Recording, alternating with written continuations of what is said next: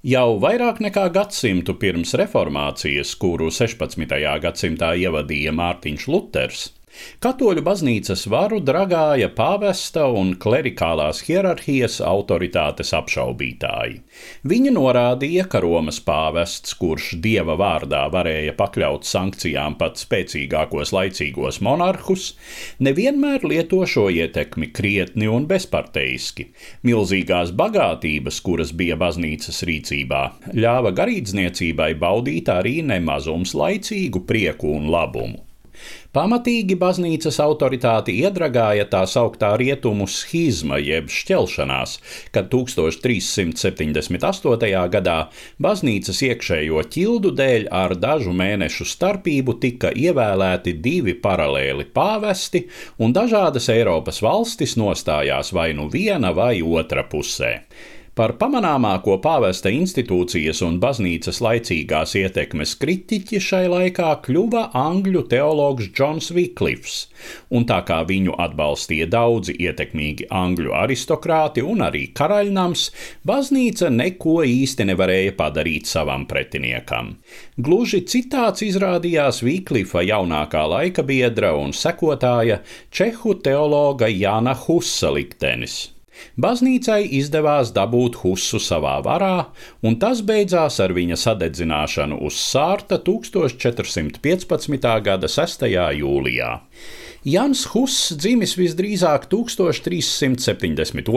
gadā Husinecas ciemā tagadējās Čehijas dienvidrietumos zemnieka ģimenē. Savu uzvārdu, kā jau nojaušams, viņš patapinājis no dzimtās vietas nosaukuma. Nav īsti zināms, kāpēc apmēram desmit gadu vecumā zemnieka dēls Jans nonāca klosterī, kur brāļi pamanīja viņa spējas un centību un ar viņu svētību jaunais censonis iestājās Prāgas Kārļa Universitātē. Sekoja izaugsme no studenta un kora zēna par bakalauru, tad maģistru, lektoru, filozofijas nodaļas dekānu un visbeidzot universitātes rektoru un Prāgas Betlēmes baznīcas sprediķotāju. Jau kā students Huss iepazinās ar Vīklifa idejām, kuras Prāgā bija visai populāras, un sāka uz tām atsaukties savos darbos un runās. Tikām katoļu baznīcā joprojām turpinājās schizma, un lielā mērā var teikt, ka Husa traģisko likteni noteica viņa ievilkšana pretstāvē starp paralēlo pāvestu atbalstītājiem. Husa liktenis ir viena no daudzajām ilustrācijām tam, cik bīstami ir mēģināt saglabāt stingru ētisko platformu, kad pasaules varenie veic reāli politiskus manevrus.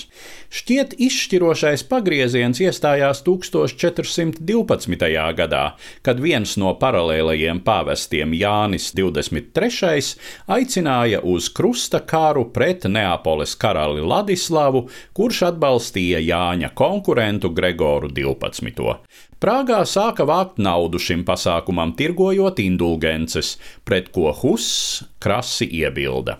Divus gadus vēlāk Svētās Romas impērijas ķeizaram Sigismundam izdevās organizēt katoļu baznīcas augstāko sanāksmi jeb koncilu Konstances pilsētā ar mērķi izbeigt schizmu. Četrus gadus ilgušajā procesā tas galu galā arī izdevās, bet Husa pretinieki no Bohēmijas garīdzniecības elites panāca, ka koncils skata arī jautājumu par viņa ķecerību. Ķēzars Sigismunds garantēja Husam drošu nokļūšanu Konstancē un arī mājupceļu, taču koncila gaitā klerikāļi pārliecināja valdnieku, ka ķecerim doti solījumi nesot saistoši. Tā nu Sigismunds mierīgi noskatījās, kā Husu arestē un iesloga. Nenotika nekāda diskusija, uz ko uzstāja Huss, pauzdams, ka atteiksies no uzskatiem, kas viņam tiks argumentēti pierādīti kā maldīgi.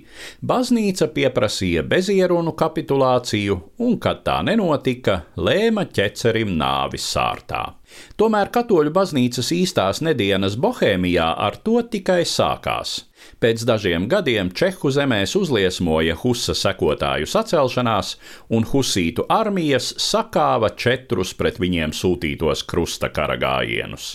Tā jau nepilnu gadsimtu pirms Lutera Eiropas centrā izveidojās priekšprotestantisma sala.